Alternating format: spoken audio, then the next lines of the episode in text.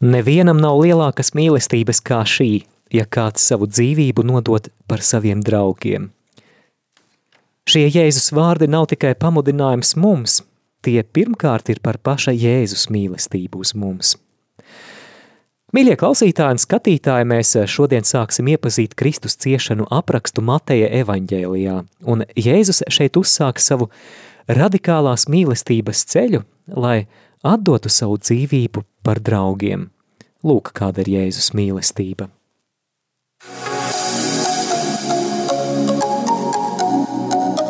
Skan randiņš ar bībeli. Dieva tēva un dēla un svētā gara vārdā. Āmen. Amen. Mīļais kungs Jēzu, mēs lūdzam, lai tava ciešanu apraksta iepazīšana mūs, mums vairāk palīdz apzināties to, cik radikāla ir tava mīlestība. Mēs lūdzam, lai tavs vārds mūs tuvinātu tavai sirdī. Un mēs lūdzam izlēj savu svēto garu. To mēs lūdzam Jēzu tavā svētajā vārdā. Āmen. Amen. Dieva tēva un dēla un svētā gara vārdā. Amen. Mīļie klausītāji, šodien mēs sākam studēt Mateja evaņģēlija Jēzus ciešanu aprakstu. Mēs sāksim lasīt Mateja evaņģēlija 26. nodaļu no 30. panta un līdz pat pēdējam šīs nodaļas pantam. Un, manuprāt, Olga tik brīnišķīgi sakrīt, ka Jēzus ciešanu aprakstus mēs lasām tuvojoties klusajai nedēļai. Jā, mēs ceram un lūdzamies par, nu, par to, lai jā, šīs pārdomas jūs tuvina Jēzum un arī tam priecīgajam noslēpumam, Jēzus augšam celšanas noslēpumam, ko drīz mēs arī svinēsim. Un mēs ļoti ceram, dārgie klausītāji un dārgie skatītāji, ka šis raidījums un arī nākamās nedēļas raidījums, kas būs otrā daļa par Jēzus ciešanām, palīdzēs mums arī sagatavoties lielās piekdienas liturģijai.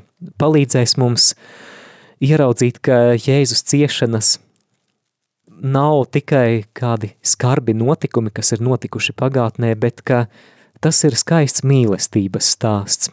Mīlestības stāsts, kurš ir aktuāls tev klausītāji arī šodien. Paliec kopā! Uzmanību!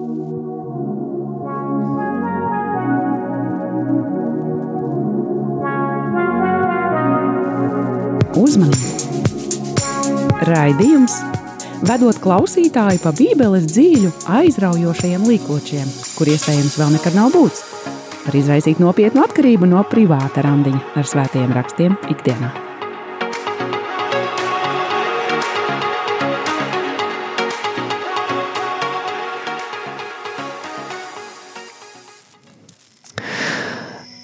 Mīļie klausītāji, mēs arī atgādinām, ka šo raidījumu varat skatīties video formātā gan mūsu Facebook lapā Randiņš ar bībeli, kā arī mūsu YouTube kanāla Radio Marija Latvija.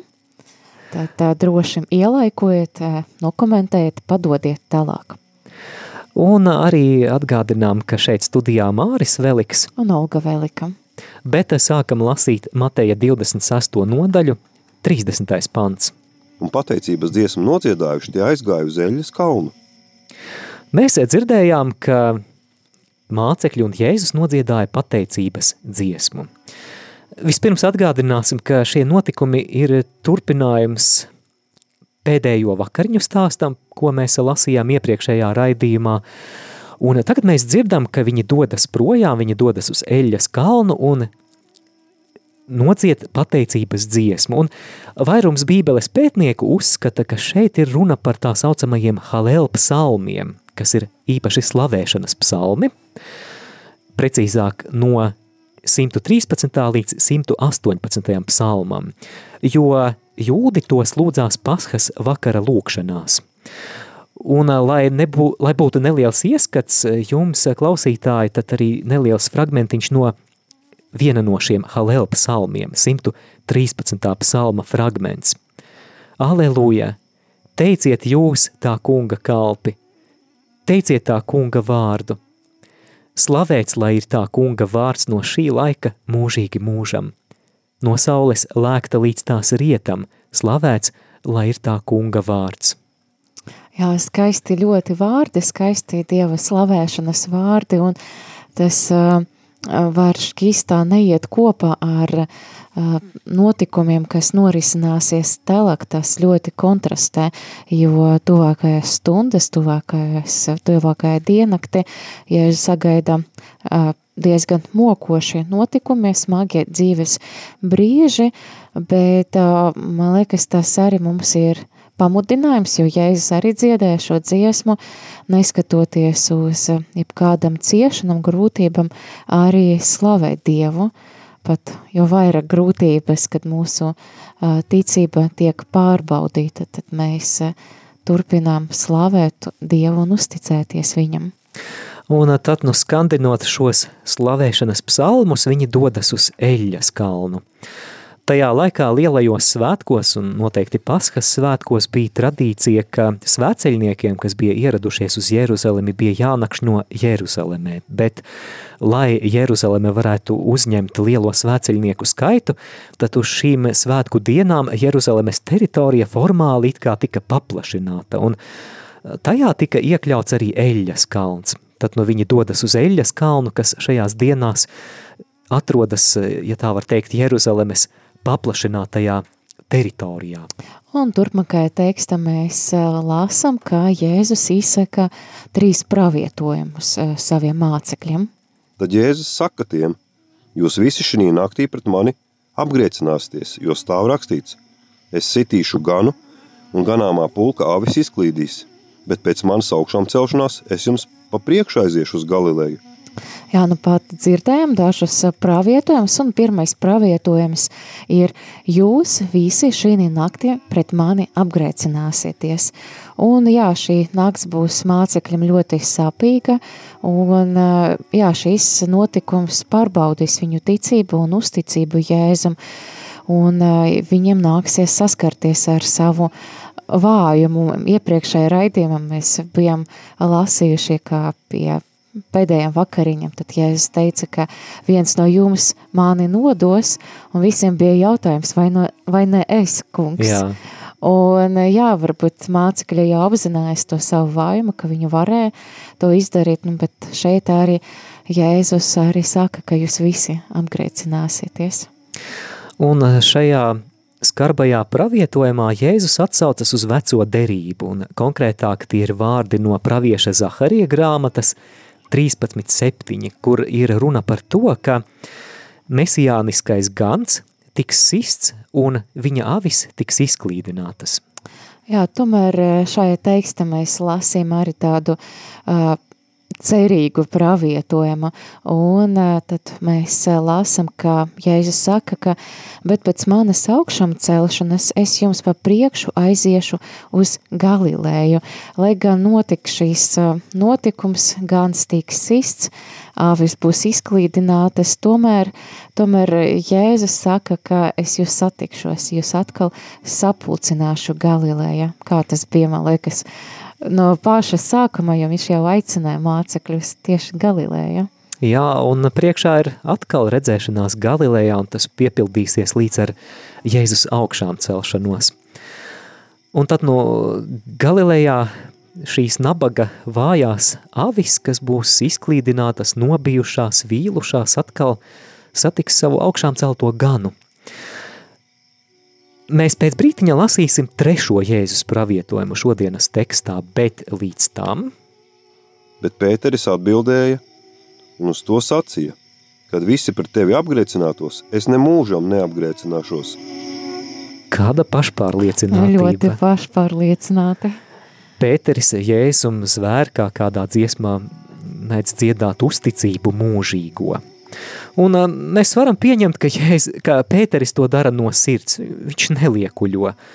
Bet tā problēma ir tā, ka viņš nerēķinās ar ievainoto cilvēcisko dabu, kas ir vāja, kas reizē mūs ļoti nepatīkami var pārsteigt. Un noteiktos apstākļos ik viens mēs esam spējīgi uz šausmīgām lietām. Varbūt uh, arī tev, klausītāji, ir gadījies piedzīvot brīžus, kad tu saki – kungs, es tā vairs nekad nedarīšu, es apņemos to vairs nekad nedarīt. Bet pēc neilga laika atkal tu saproti, ka esi iekritis tajā pašā peļķē. man liekas, arī bieži var gadīties, es apņemos lūgties noteiktas lūkšanas vai katru dienu lasīt bībeli un pēc dažām dienām nekas nesanāk. Jā, tas ir stāsts par to, ka mums ir ļoti, ļoti vajadzīga Dieva žēlastība. Mums nepietiek ar saviem spēkiem. Jēzus Jāņa evaņģēlie 15. nodaļā runāja par to, ka bez manis jūs nekā nespējat. Un klausītāji, tu jau zini, ar ko šī Pētera bravūra beigsies. Bet tagad lasām 34. pantu. Jēzus tam sacīja, patiesi es tev saku, šī naktī pirms gailis dziedās, tu mani trīs reizes aizlieksi. Un šis ir jau trešais pravietojums šajā, šajā mūsu bībeles studijā, studijās, un tad šodienas teksta, un jā, Jēzus saka, ka šī naktī pirms gailis dziedās, Pēteris viņu trīs reizes aizlieks, aizlieks, un Jēzus zina katru mūsu sirdi, viņš zināja arī Pētera sirdi, viņš eh, redzēja to, ka viņam ir tāds līdera potenciāls, jo viņš tiešām uzticēja Pēteriem ganit viņa āvis arī vēlāk, bet viņš arī redz to vājumu, kā Pēteris patiesība arī ļoti, ļoti vājš. Un, un, pēt, un Jēzus to zināja, un viņš zina katru mūsu sirdi, Mēs arī Jāņa evaņģēlie vienu skaistu citātu varam izlasīt, tad no Jāņa evaņģēlija otrais nodeļas 25. pāns, tas ir par Jēzu, viņam nevajadzēja, lai kāds liecību dotu par cilvēku, bet viņš pats zināja, kas bija cilvēka. Reizēm mēs topam patiešām smieklīgi, kad mēģinām oponēt pašam Dievam. Un kā mēs tālāk lasīsim 35. pantā, Pēteris rīkojas tieši tā. Pēteris saka viņam, iepšu man būtu jāmirst ar tevi, taču es nemūžam tevi neaizliekšu. Tāpat arī visi citi mācekļi sacīja. Un šajā brīdī mēs nonākam jaunā šodienas teksta sadaļā, ko mēs varētu nosaukt lūkšana ģecemanes dārzā, un pēc brīža mēs lasīsim sākot ar 36. pantu.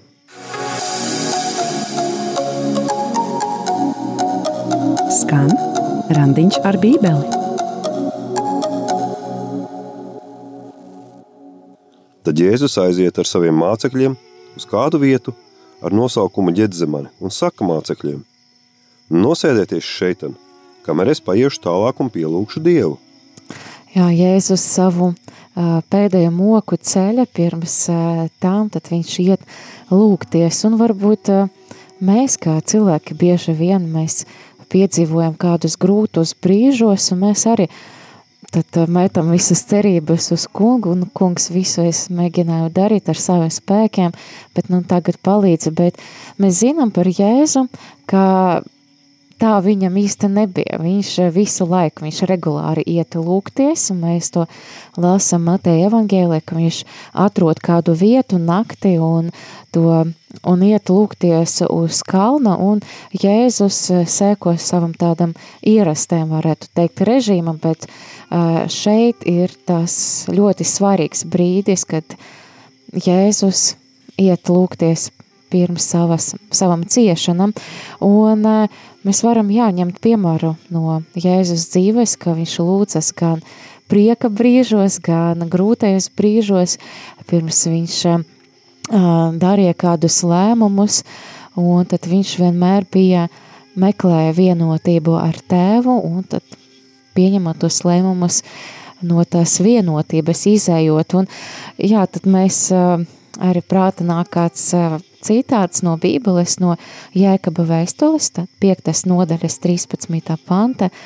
Ja kāds starp jums ir cietējis, lai viņš lūdz Dievu, ja kādam ir priecīgs prāts, lai viņš dzied slāvas dziesmas. Tātad viņi ir nonākuši vietā, ko sauc par ģetsemani. Tas bija kāds dārs Olīvkalna nogāzē, Un interesanti, ka vārds ģecemane tiek tulkots olīvu spaids jeb olīvu spiede. olīvas, olīvas piedē tiek saspiestas, lai no tām iegūtu eļļu. Un līdzīgi Jēzus pavisam drīz tiks samalts zem ciešanu smaguma, tomēr caur šīm ciešanām, kā no saspiestām olīvēm, izplūdīs dzīvinoša eļļa ikvienam, kas viņam ticēs. Un um, tālāk mēs lāsam, ka Jēzus ņem līdzi uh, savus trīs tuvākos mācekļus, kas uh, bieži vien bija pie tādiem īpašiem, īpašiem brīnumiem, viņam līdzi uh, Pēteri, Jāni un Jēkabu, atkal Pēteri, un, uh, un interesanti, ka pēc, pirms brīža, uh, pirms uh, kāda laika Jēzus arī ņem viņus uz kalna, lai tur viņi būtu uh, liecinieki tam, ka Jēzus pārveidojas uz kalna, bet šeit Jēzus atkal viņus ņem līdzi uz kalna, un viņam ir pavisam citāda pieredze. Tur Jēzus bija godība, šeit Jēzus ir agonija. Un viņš ņēma sev līdzi Pēteri un abus cebedēja dēlus un iesāka noskumt un baiļoties. Tad viņš tiem saka, mana dvēsele ir noskumusi līdz nāvei, palieciet šeitan un esiet ar mani nomodā. Jēzus sāka skumt un baiļoties. Viņš saka, viņa dvēseli ir noskumusi līdz nāvei. Šis vārds noskumusi, kas oriģināla tekstā ir lietots, tas ir vārds, kas apzīmē ļoti spēcīgas skumjas, satraukumu. Un apzināsimies, ka viss pasaules grēks, visa tumsa kā nospiedošs smagums tagad guļas virsū Jēzum, jo kā mēs iepriekšējā raidījumā runājām, Jēzus ir tas Dieva jērs, kurš uzņemas uz sevis visas pasaules grēkus, lai tos uzvarētu caur savu nāvi pie krusta. Interesanti arī, ka tieši šajā brīdī Jēzus ņem līdzi savus tuvākus draugus, mācekļus, jo man liekas tā ļoti skaisti, ka Jēzus arī uh, sagaida tādu cilvēcisku klātbūtni no saviem tuvākajiem mācekļiem, no saviem tuvākajiem draugiem, un dažreiz arī mūsu ciešanu brīdi palic tas, ka mūsu draugi ir klāt, vienkārši, vienkārši ir viņu klātbūtne, un, bet mācekļiem arī bija kāds īpašs uzdevums šajā naktī, un mēs par to pēc brīžā arī lasīsim. Un maķenīt pagājis, viņš krita ar savu vaigu pie zemes, lūdza Dievu un sacīja, Mans tēvs, ja tas var būt, tad lai šis biķeris iet man garām, tomēr ne kā es gribu, bet kā tu gribi. Lai šis biķeris iet man garām. Vecajā derībā biķeris bija dieva dusmu simbols pret grēciniekiem. Varbūt, Olga, tu varētu nolasīt vienu piemēru, 75. Piektais. psalms, 9. pants. Jo tam kungam ir rokā kaus ar stipru putojušu un reibinošu vīnu. To viņš dod dzert, un pat visam zemes bezdieviem jāsūc un jāiedzer tā mieles. Vai cits piemērs pravieša Jesaja grāmata 51, 17. Mosties, mosties celies Jeruzaleme, kas tu esi dzērusi no tā kunga rokas viņa dusmības kausu – iztukšojusi līdz dibenam reibinošas dziras kausu. Tātad Jēzum ir jāuzņemas mūsu vietā tas, kas pienāktos mums katram, mums katram kā grēciniekam. Un ir vērts vēlreiz atgriezties pie pravieša Jesajas dziedājuma par cietēju kalpu, ko mēs dzirdēsim arī lielās piekdienas liturģijā, tas ir no Jesajas 53. nodaļas, kur Jesaja to apraksta tā – taču viņš nesa mūsu sērgas un ciešanas, un mūsu sāpes bija viņš uzkrāvis sev. Turpretī mēs viņu uzskatījām par sodītu, dieva satriektu un nomocītu. Viņš bija ievainots mūsu pārkāpumu dēļ, un mūsu grēku dēļ satriekts. Mūsu sots bija uzlikts viņam mums par atpestīšanu. Ar viņa brūcēm mēs esam dziedināti. Jā, un Jēzus piepildā to pravietojumu, un viņš arī šobrīd tad, uh, apjauš kāds mokošs un sāpīgs ceļš ir. Viņam priekšā, cik uh, būs nežēlīgas tās stundas, un, protams, mēs Bībelē lasam, ka viņš visa līdzinās mums, atskaitot grēku, un tas nozīmē, ka viņš arī ir pakļauts bailēm, sāpēm, ciešanam, pārdzīvojumam, emocijām, un viņam sāpēs to, ko cilvēki ne tikai fiziski viņam nodarīs arī, bet emocionāli, garīgi, jeb kādi pazemojumi, un Jēzus baiļu pārņemts, mēs lasam, kā noskumus, noskamies līdz nāvei, viņš lūdz Dievu, lai bikeris iet viņam garām, un eh, citādi sakot, Jēzus varbūt lūdz Dievam, nu, varbūt, lai tā pestīšanas plāns Dievs, Tēvs, varbūt piepildīs kaut kā citādāk, lai man nebūtu tik ļoti jācieš, bet um, Jēzus saglabā uzticību Dievam un saka, ka lai notiek tavs prāts, un uh, ja mēs salīdzinām Ādamu, kurš uh, ēdenes darza, tad uh, neizturēja sātana pārbaudījumu, tad otrais Ādams, kas jau ir Jēzus, jau cita dārza, iztur pārbaudījumu, lai mūs atgrieztu tajā paradīzes darza, kas ir jau attiecības ar Dievu. Lasām tālāk un viņš nāk pie mācekļiem un atrod tos guļam un saka uz Pēteri, tad jūs nespējat nevienu pašu stundu būt ar mani nomodā. Esiet modrīgi un lūdziet Dievu, ka jūs nekrītat kārdināšanā. Gars gan ir labprātīgs, bet miesa ir vāja. Jēzus grib sajust šo draugu atbalstu, draugu klātbūtni, bet nākot pie viņiem, konstatē, ka viņi ir iemiguši. Varbūt no pārguruma, varbūt no stresa, skumjām pārdzīvojumiem. Un um, es nesen arī gatavojoties šim raidījumam lasīju Benedikta 16. grāmatu Jēzus no Nāceretes otro daļu, kas ir veltīta Kristus ciešanām, un aprakstot um, šo mācekļu gulēšanu, pāvests Benedikts to paņem kā metaforu baznīcai, kas tik bieži savā vēsturē ir bijusi iemigusi – Un te mums ir ko pārdomāt, vai šobrīd mēs esam nomodā, vai mums ir jāmostās, mosties baznīca. Un Jēzus, kā mēs dzirdējām, viņš aicina lūgt Dievu, jo kādā tulkojumā ir teikts, garam dots labu gribēt, bet miesa ir vāja. Tagad ņemu rokās jauno tulkojumu, te ir teikts, gars ir apņēmīgs, bet miesa vāja. Un Tas ir eh, princips, ko acīm redzot apustulis Pēteris vēl nebija sapratis, jo jā, viņš no sirds gribēja būt uzticīgs Jēzum, bet nesanāca. Jā, ar saviem spēkiem bieži vien arī nesanāk, un jā, mēs redzam, ka tas bija uzdevums, ko Jēzus arī deva mācekļiem, trim mācekļiem, kas bija klāt, un par šo grēka ievainotību cilvēcisko dabu un cīņa starp garīgo cilvēku un tādu ievainotu cilvēku Pāvils Apostolis Pāvils rakstīja, tad vēstuli romiešiem 7. nodaļa 15. pants, jo es pats nesaprotu, ko daru, jo nevis to, ko gribu es daru, bet ko ienistu, to es daru. Un jā, tāpēc mums ļoti vajadzīga Dieva žēlastība un arī tāpēc jālūdz Dievu, lai Dievs dot mums žēlastību, lai celtu to garīgo cilvēku, kas pretotos grēkam un kārdinājumiem. Jā, Jēzus aicina lūdzieties, lai nekrītat kārdināšanā, un lūkšana ir spēcīgs ierocis pret mūsu pašu cilvēcisko vājumu. Es pat teiktu, ka lūkšanai ir profilaktisks efekts – cīņā pret grēku, proti tas eh, palīdz mums būt imūnākiem pret grēkiem, pret kārdinājumiem, pret ļaunā gara uzbrukumiem, tad, ja lūkšana ir ļoti stabila, ja mums ir stabila lūkšanu dzīve.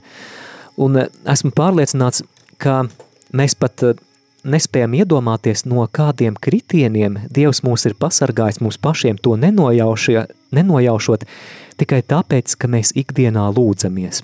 Un man te nāk prātā kāds eh, slavens eh, sludinātājs Benijs Hints. Eh, kādā no uzrunām viņš teica tā, ka ja man nebūtu ikdienā privātās lūkšanas, es sen jau būtu pakritis pamatīgi. Reka, un tālāk mēs lasām, ka Jēzus atkal nāk pie mācekļiem un atkal viņus lūdz ar tiem pašiem vārdiem, bet mācekļi atkal iemiek. Viņš atkal aizgāja otru reizi un lūdza Dievu sacīdams: Mans tēvs, ja šis biķeris nevar man iet garām, lai nebūtu tas jādzer, tad lai notiek tavs prāts, un viņš nāk un atrotos atkal guļam, jo viņa acis bija pilnas miega. Un viņš tos atstāja un atkal nogāja un lūdza Dievu trešo reizi, tos pašus vārdus sacīdams.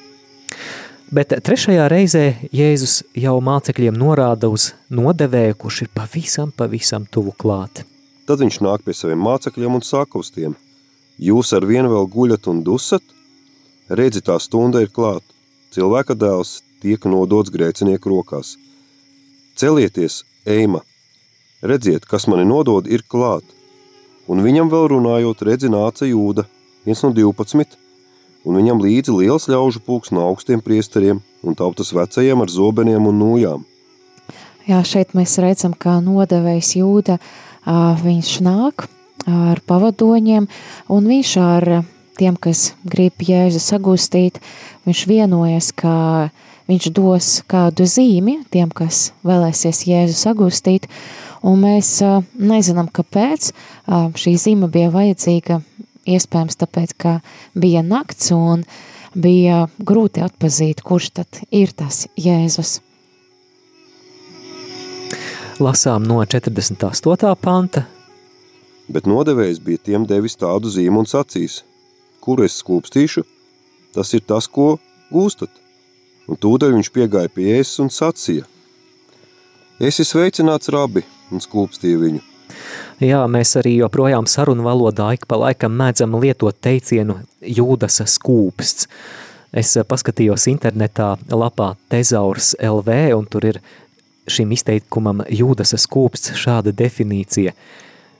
Liekuļota laipnība, ar ko tiek maskēta nodevība. Ļoti labi, manuprāt, definē to, ko jūdas šeit izdara. Bet Jēzus sacīja, draugs, kāpēc tu esi šeit? Tad tie piegāja pie Jēzus, pielika tam rokas un to saņēma, un redzi viens no tiem, kas bija pie Jēzus, izstiepa roku, izvilka zobenu, cirta augstā priestera kalpam un nocirta viņam ausi. Jā, kāds no mācekļiem mēģināja Jēzu aizstāvēt, aizstāvēt ar zobenu un nocērta ausi augstā priestera kalpam. Šeit eh, Mateja evaņģēlijā 26. nodaļā mēs neredzam, ka šis apustulis būtu nosaukts vārdā, bet no Jāņa evaņģēlija mēs labi zinām, ka tas ir tas pats labais apustulis Pēteris. Pēteris. Manuprāt, ļoti labi arī atbilst viņa impulsīvajai dabai. Mēs, starp citu, no Jāņa evaņģēlija pat uzzinām, kā sauc šo augstā priestara kalpu. Ka viņš un, arī vēlāk tiek jā, dziedināts. Malhus vai malhs. Bet tomēr mēs tālāk redzam, ka Jēzus nemaz nav gribējis un nemaz nav aicinājis uz šādu vardarbīgu pretestību. Tad Jēzus saka tam, bāz savu zobenu viņu vietā, jo visi, kas ņem zobenu, no zobena aizies bojā. Jeb vai tu domā, ka es nevarētu lūgt savu tēvu, un viņš man nesūtītu tūlīt vairāk nekā 12 leģionu eņģeļu? Jā, Jēzus... Kā tad raksti, lai piepildītos? Jo tam tā būs notikt. Mm -hmm jā, Jēzum nav vajadzīgs, lai kāds viņu aizstāvētu ar zobenu vai ar kādu citu ieroci, jo, ja viņš gribētu, viņš varētu lūgt tēvu, un tās varētu sūtīt 12 leģionus eņģeļu, un tie cīnītos par Jēzu, un neviens nevarētu pretī stāvēt. Tomēr mēs redzam, ka tā ir Jēzus apzināta izvēle nepretoties. Jā, un vēl nedaudz viena tāda doma par Pēteri. Jā, Pēteris atkal rīkojas ar savam kaislībam, varbūt arī ar savu tādu miesīgu dabu un varbūt iespējams tāpēc, ka viņš tieši nebija lūdzies, uz ko bija arī aicinājis Jēzu, un mēs arī redzam kādas izmaiņas arī paša Jēzu, nu, nu, tikko, tikko mēs redzējām, ka viņš bija baiļu pilns un arī šaubu pilns un lūdza uh, Dievu, lai bikeris uh, viņam pāriet garam, bet šeit mēs jau redzam, ka viņš jau apņēmības pilns un uh, tas uh, nāk arī no viņa izvēles, jo no viņa lēmuma, un kāpēc Jēzus to dara, un mēs tālāk lasam, lai piepildītos pravietotais Dieva vārds. Tanī pašā stundā Jēzus sacīja uz ļaužu pulku. Kāpēc slepkavu jūs esat izgājuši ar zobeniem un nojām mani gūstīt? Ikdienas es pie jums sēdēju Dieva namā mācīdams, un jūs mani nesat aiztikuši. Bet tas viss noticis, lai praviešu raksti piepildītos. Jā, ļoti svarīgi vārdi 56. pantā, lai praviešu vārdi vai lai praviešu raksti piepildītos. Mesijas, jeb Jēzus Kristus ciešanas tika pravietotas jau, jau vecajā derībā daudzus, daudzus gadsimtus pirms Jēzus atnākšanas.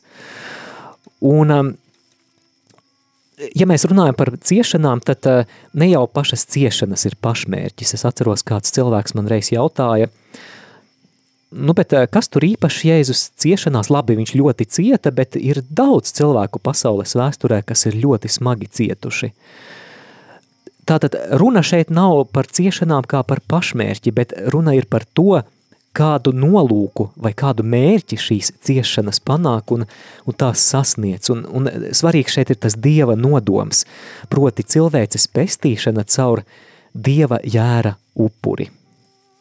Tad visi mācekļi atstāja viņu un bēga.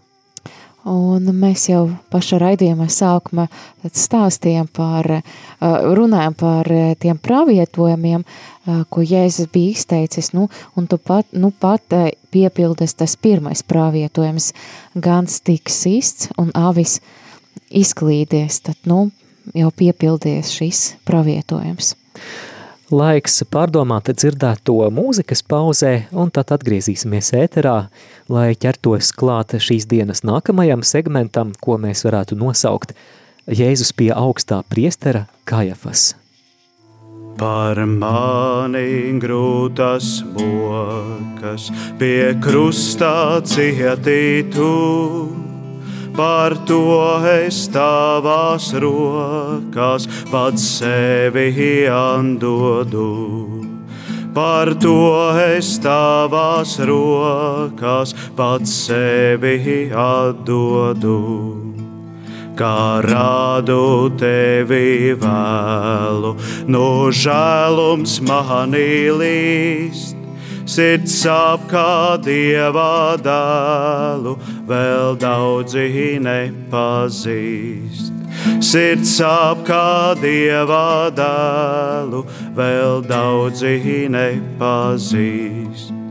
Mūs mīlēdams tu ļāvi sev atņemt dzīvību un tādēļ tavu nāvi es vienmēr pieminu. Un tādēļ tavu nāvi es vienmēr pieminu. Tu mīlestībā kvēlo, kaut sirdis daudziem salst kā rūpīgs dārznieks žēlo pat zāru to, kas kalst. Kā rūpīgs dārznieks žēlo pat zāru to, kas kalst. Es iešu ceļu īstu, lai būtu pateicīgs kaut visi tevi nīstu, es būšu uzticīgs. Kaut visi tevi nīstu, es būšu uzticīgs. Ar mīlestību kvēlu es vienmēr dzīvošu līdz tevi dieva dēlu es vaigā skatīšu līdz tevi dieva dēlu es vaigā skatīšu. Es ļoti lūdzu tevi, jēl mani neatstāj, ļauj kopā būt ar tevi, kad sirds jau elpot stāj ļauj kopā būt ar tevi, kad sirds jau elpot stāj. lai arī mani brāļi pie tevis visi nāk. Un kas vēl tagad tāli, lai tevi atrast māk? Un kas vēl tagad tāli, lai tevi atrast māk? Turpinām raidījumu Randiņš ar bībeli. Šī ir epizode par Jēzus ciešanām, pirmā daļa. Mēs šobrīd atrodamies Mateja evaņģēlija 26. nodaļā, un sirsnīga, sirsnīga pateicība ikvienam, kas sociālajos tīklos jau esat padevuši tālāk šo raidījumu, ierakstījuši kādu komentāru vai ielikuši īkšķīti vai sirsniņu, tas ir tādēļ, lai radio Marija kalpojums varētu aizsniegt tos cilvēkus, kas ikdienā radio neklausās. Bet, um, ja jums ir kas komentējams tiešraidē, tad um, droši varat iesaistīties ēterā. Iesaisties ēterā, zvanot uz studijas tālruni 67 969 131 vai rakstot īsiņu uz numuru 266 77 272. Izmanto arī e-pasta iespēju Studija at rml.lv.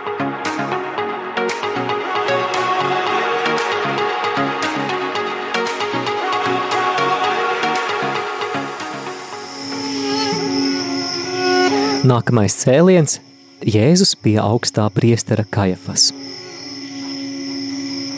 Bet tie Jēzu ņēma un aizveda pie augstā priestera Kajafas, kur rakstu mācītāji un vecēji bija sapulcējušies. Iedomājieties, tas ir nakts vidū. Nakts vidū iedomājieties, ja pašvaldība, piemēram, sasauc sapulci 3.15 naktī. Vai arī jūsu darba sapulce mm -hmm. notiktu vienos naktī. Jā, tas nozīmē, ka runāja par kaut ko ārkārtēju, un tas mums tikai parāda, cik liela prioritāte šiem jūdu reliģiskajiem līderiem bija Jēzus nonāvēšana. Tālāk lasām no 58. 58. pantu. Bet Pēteris tam sekoja no tālienes līdz augstā priestera pilī – un tur bija iegājis. Viņš apsēdās pie sulēņiem noskatīties, kā viss beigsies. Jā, nu, tepat jau nu, pat ja, Pēteris sola Jēzum uzticību, ka viņš viņu nepametīs, un, bet Pēteris seko no tālienes, un mēs varam secināt, kā no vienas puses Pēterim ir apņēmība nepamest Jēzu, varbūt arī tāda līdzdalība viņa dzīve, viņš ar šausmām varbūt tagad skatās, kas no tagad būs, bet uh, tas, ka viņš no tālienes uh, seko arī iespējams norāda uz kādam bailēm, tad viņam, viņam, viņam ir bail no tā, kas viss notiek, un, bet arī varbūt salīdzinot ar pārējiem mācekļiem, nu, Pēteris varētu būt tas drosmīgākais. Mēs zinām, Jā, ka citi vienkārši aizlaidās. Aizbēga, nu, Jānis savā evangēlī apgalvo, ka viņš arī tur ir bijis. Jā, tāpēc iespējams, ka Jāni, nu nevis iespējams, Jānis tur arī ir bijis, bet mēs zinām, ka Pēterim šīs moments arī beigsies tādu ar apkaunojumu. Bet pa to laiku pie augstā priestara Kajafas – bet augstie priesteri vecai un visa augstā tiesa meklēja viltus liecību pret Jēzu, lai to varētu nokaut, un tomēr neatrada. Jebšu uzstājās daudz viltus liecinieku, beidzot divi nāca priekšā un sacīja. Viņš ir teicis, es varu noplēst dieva namu un to atkal trijās dienās uzcelt. Arī šķiet kaut kas neiet kopā. Runa ir par augstajiem priesteriem, par rakstu zinātājiem. Šiem būtu jābūt cilvēkiem, kas seko kungam, kas palīdz tautai tuvoties dievam, bet mēs lasām, ka viņi meklē viltus liecību, kāda divkosība. Lūk, netaisnīgas, neobjektīvas tiesas paraugs, un lai cik tas skumji nebūtu šobrīd pasaulē, citās valstīs, ļoti daudz šādu gadījumu, kaut vai mm, mūsu austrumu lielais kaimiņš pret politieslodzītajiem, arī tas pats stāsts. Bet liecinieki, kas tiek aicināti, sapinas pretrunās un ir skaidrs, ka nu, neder, neder šīs liecības. Absolūti nav pārliecinoši, pat šie jūdu reliģiskie līderi saprot, nē, tas neies krastā. Beidzot, viņiem parādās kāda cerība. Veseli divi cilvēki runā vismaz par vienu un to pašu tēmu. Viņš ir teicis, es varu noplēst dieva templi un to atkal trijās dienās uzcelt.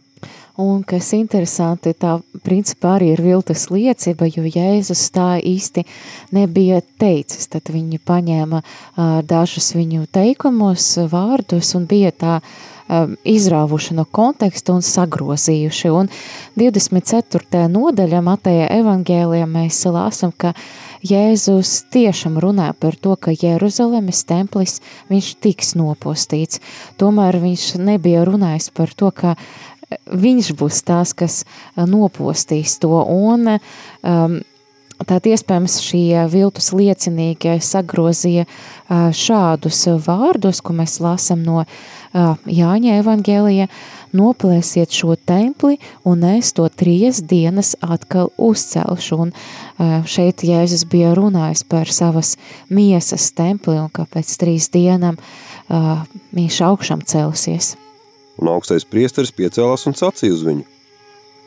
Vai tu neatbildi nekā uz to, ko tie liecina par tevi? Bet Jēzus cieta klusu.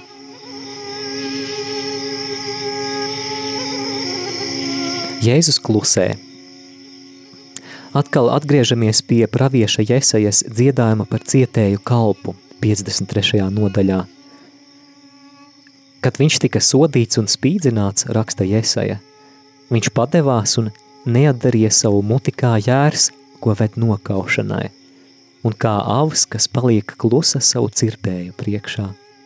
Tā viņš apklusa un neatdarīja savu muti.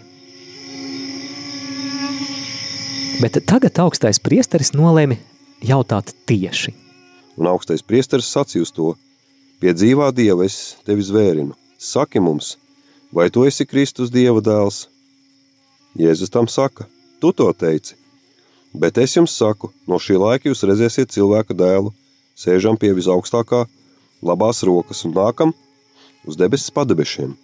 Augstajam priesterim Jēzus atbild, tu to teici, citiem vārdiem sakot, tu pats to apstiprini ar saviem vārdiem.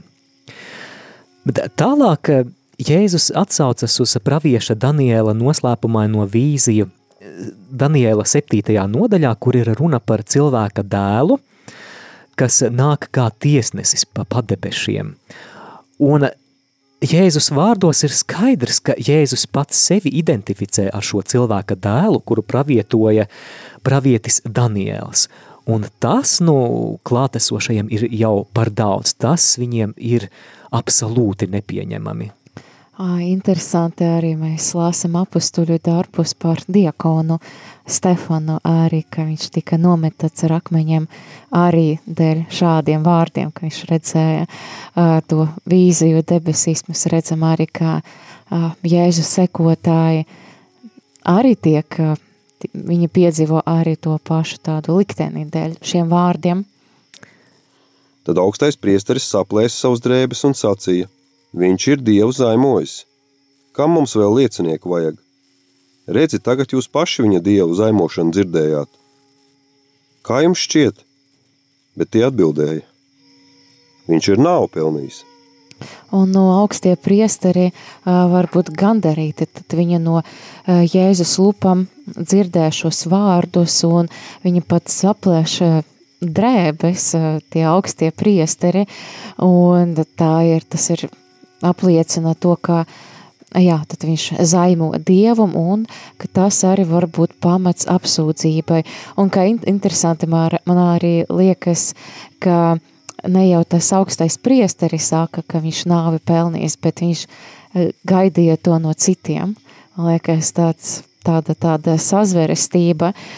Un jā, kad kāds netaisnīgais uh, nu, mēs varam runāt par dažādām lietām, bet bieži vien arī, Māris pieminēja to augsto, to ne, nevis augsto, bet austruma kaimiņu, ka dažreiz uh, tie zemāk stavošie varbūt pat nežēlīgie, nu, nevar tā, tā nu, var, var padomāt par šo tēmu, bet ka viņam mēģina izdābāt, viņa mēģina Mm -hmm. mm, darīt visu, lai tām augstos, augstāk stāvošajiem izpatiktu.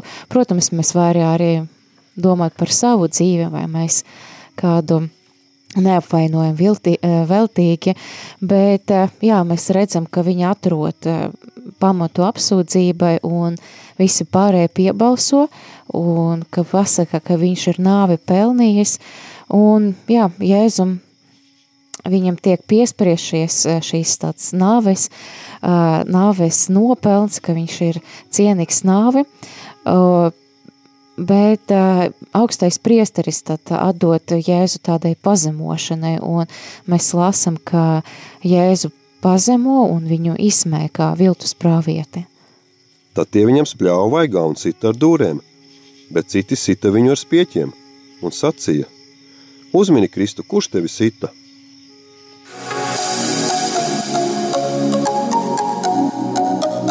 Skan randiņš ar bībeli.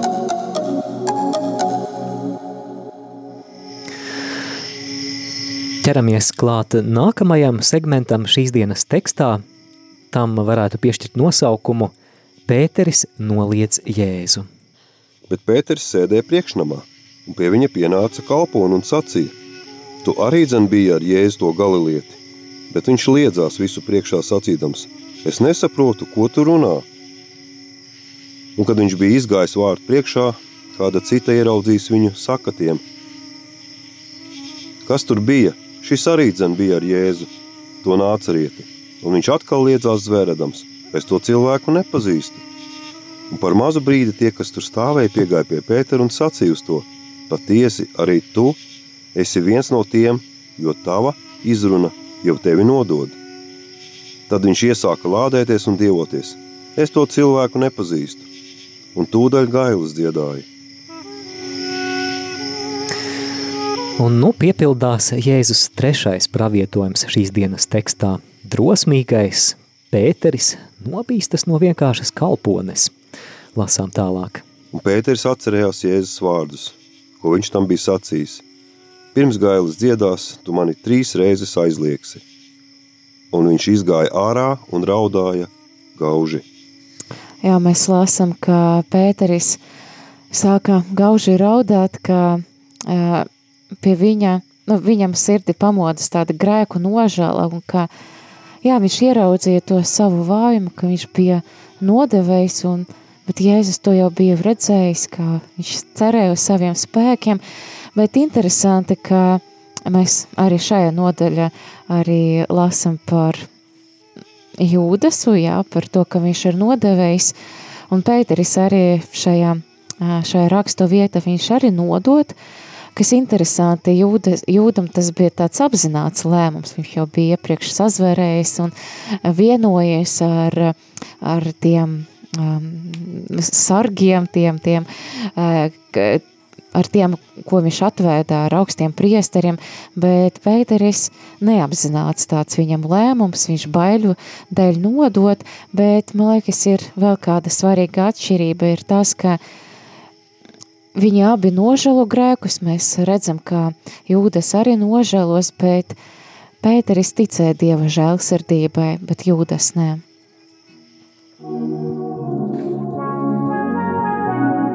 Kā dzirdētais attiecas uz manu dzīvi?